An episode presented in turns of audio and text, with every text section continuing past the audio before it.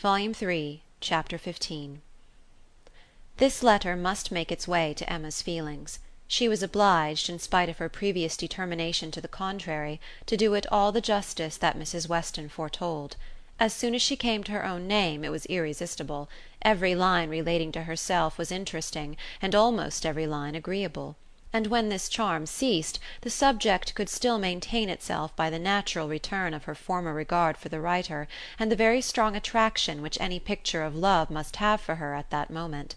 She never stopped till she had gone through the whole, and though it was impossible not to feel that he had been wrong, yet he had been less wrong than she had supposed, and he had suffered and was very sorry and he was so grateful to Mrs. Weston, and so much in love with Miss Fairfax, and she was so happy herself, that there was no being severe, and could he have entered the room she must have shaken hands with him as heartily as ever. She thought so well of the letter that when Mr. Knightley came again she desired him to read it. She was sure of Mrs. Weston's wishing it to be communicated, especially to one who, like Mr. Knightley, had seen so much to blame in his conduct. "I shall be very glad to look it over," said he. But it seems long. I will take it home with me at night." But that would not do: Mr. Weston was to call in the evening and she must return it by him. "I would rather be talking to you," he replied; "but as it seems a matter of justice it shall be done." He began, stopping, however, almost directly to say: "Had I been offered the sight of one of this gentleman's letters to his mother in law a few months ago, Emma, it would not have been taken with such indifference." He proceeded a little further, reading to himself and then with a smile observed: "Humph! a fine complimentary opening. But it is his way: one man's style must not be the rule of another's. We will not be severe. It will be natural for me," he added shortly afterwards, "to speak my opinion aloud as I read. By doing it I shall feel that I am near you. It will not be so great a loss of time, but if you dislike it "Not at all. I should wish it." Mr. Knightley returned to his reading with greater alacrity.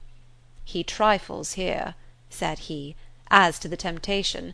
He knows he is wrong, and has nothing rational to urge. Bad! He ought not to have formed the engagement. His father's disposition! He is unjust, however, to his father. Mr. Weston's sanguine temper was a blessing on all his upright and honourable exertions, but Mr. Weston earned every present comfort before he endeavoured to gain it." "Very true. He did not come till Miss Fairfax was here." "And I have not forgotten," said Emma, "how sure you were that he might have come sooner if he would. You pass it over very handsomely, but you were perfectly right." "I was not quite impartial in my judgment, Emma. But yet I think, had you not been in the case, I should still have distrusted him.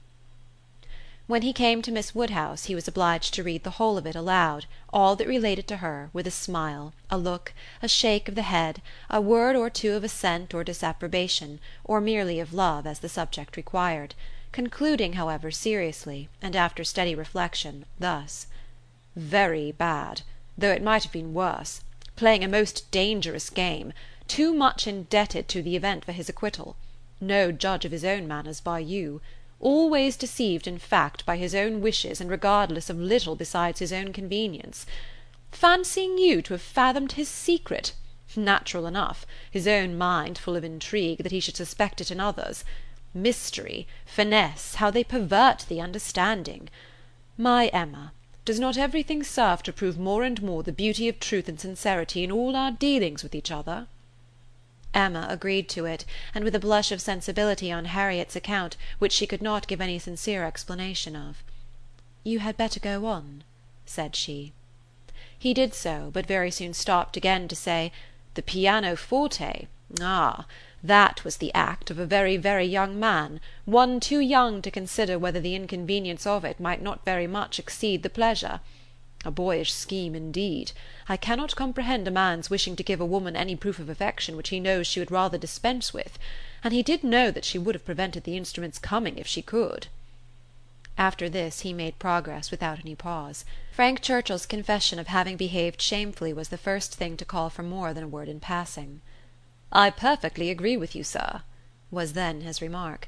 "You did behave very shamefully. You never wrote a truer line and having gone through what immediately followed of the basis of their disagreement, and his persisting to act in direct opposition to Jane Fairfax's sense of right, he made a fuller pause to say: This is very bad.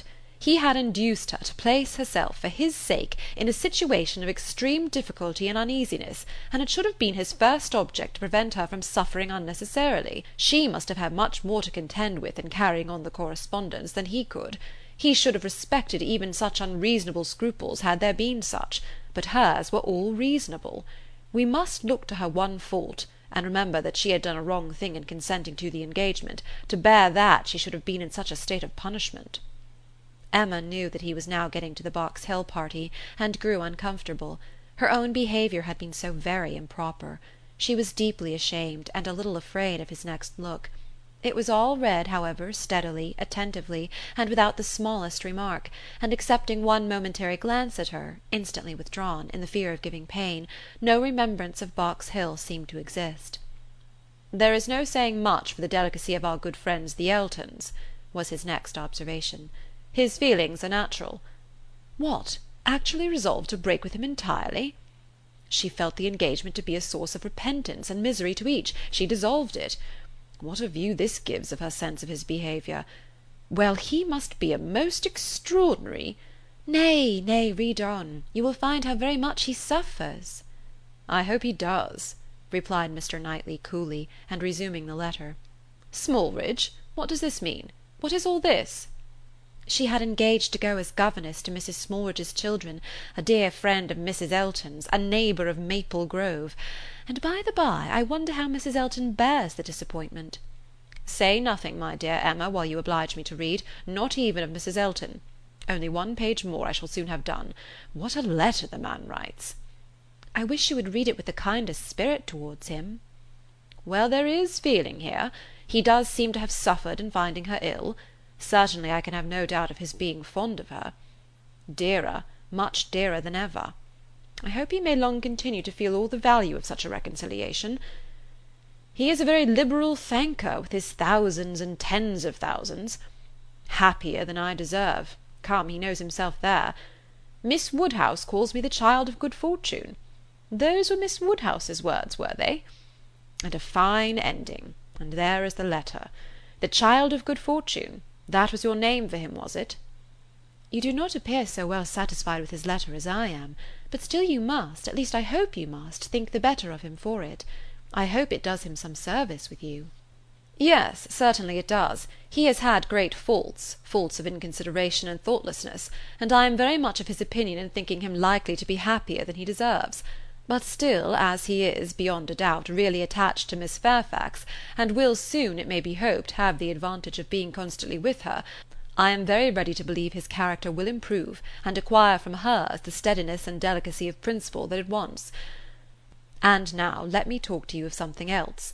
I have another person's interest at present so much at heart, that I cannot think any longer about Mr. Frank Churchill. Ever since I left you this morning, Emma, my mind has been hard at work on one subject." The subject followed.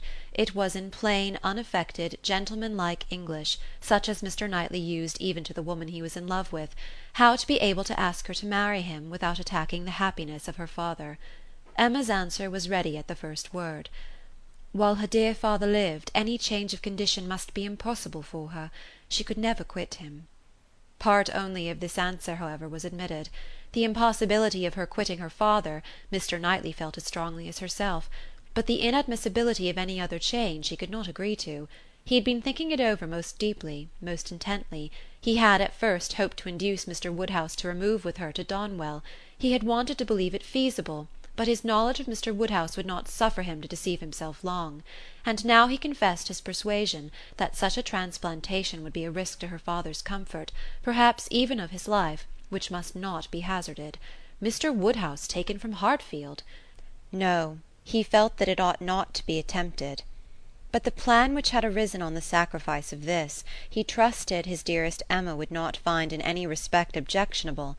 It was, that he should be received at Hartfield that so long as her father's happiness, in other words his life, required Hartfield to continue her home, it should be his likewise. Of their all removing to Donwell, Emma had already had her own passing thoughts. Like him, she had tried the scheme and rejected it; but such an alternative as this had not occurred to her; she was sensible of all the affection it evinced.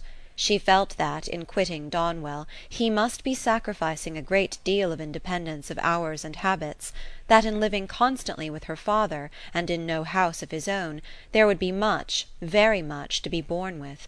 She promised to think of it, and advised him to think of it more; but he was fully convinced that no reflection could alter his wishes or his opinion on the subject. He had given it, he could assure her, very long and calm consideration. He had been walking away from William Larkins the whole morning to have his thoughts to himself. "Ah, there is one difficulty unprovided for," cried Emma. "I am sure William Larkins will not like it.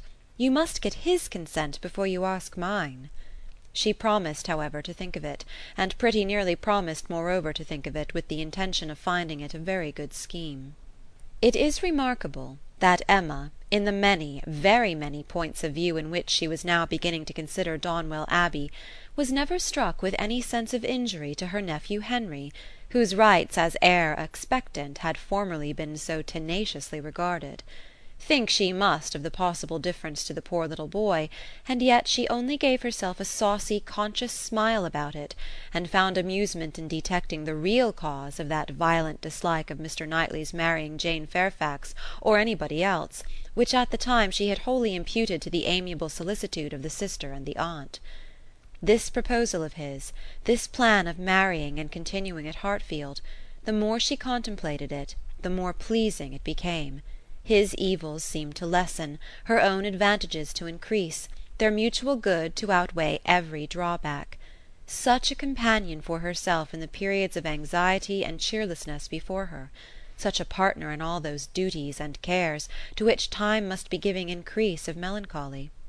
She would have been too happy but for poor Harriet; but every blessing of her own seemed to involve and advance the sufferings of her friend, who must now be even excluded from Hartfield. The delightful family party which Emma was securing for herself, poor Harriet must, in mere charitable caution, be kept at a distance from. She would be a loser in every way. Emma could not deplore her future absence as any deduction from her own enjoyment. In such a party Harriet would be rather a dead weight than otherwise; but for the poor girl herself it seemed a peculiarly cruel necessity that was to be placing her in such a state of unmerited punishment. In time, of course, Mr. Knightley would be forgotten, that is, supplanted; but this could not be expected to happen very early. Mr. Knightley himself would be doing nothing to assist the cure, not like Mr. Elton. Mr. Knightley, always so kind, so feeling, so truly considerate for everybody, would never deserve to be less worshipped than now; and it really was too much to hope, even of Harriet, that she could be in love with more than three men in one year.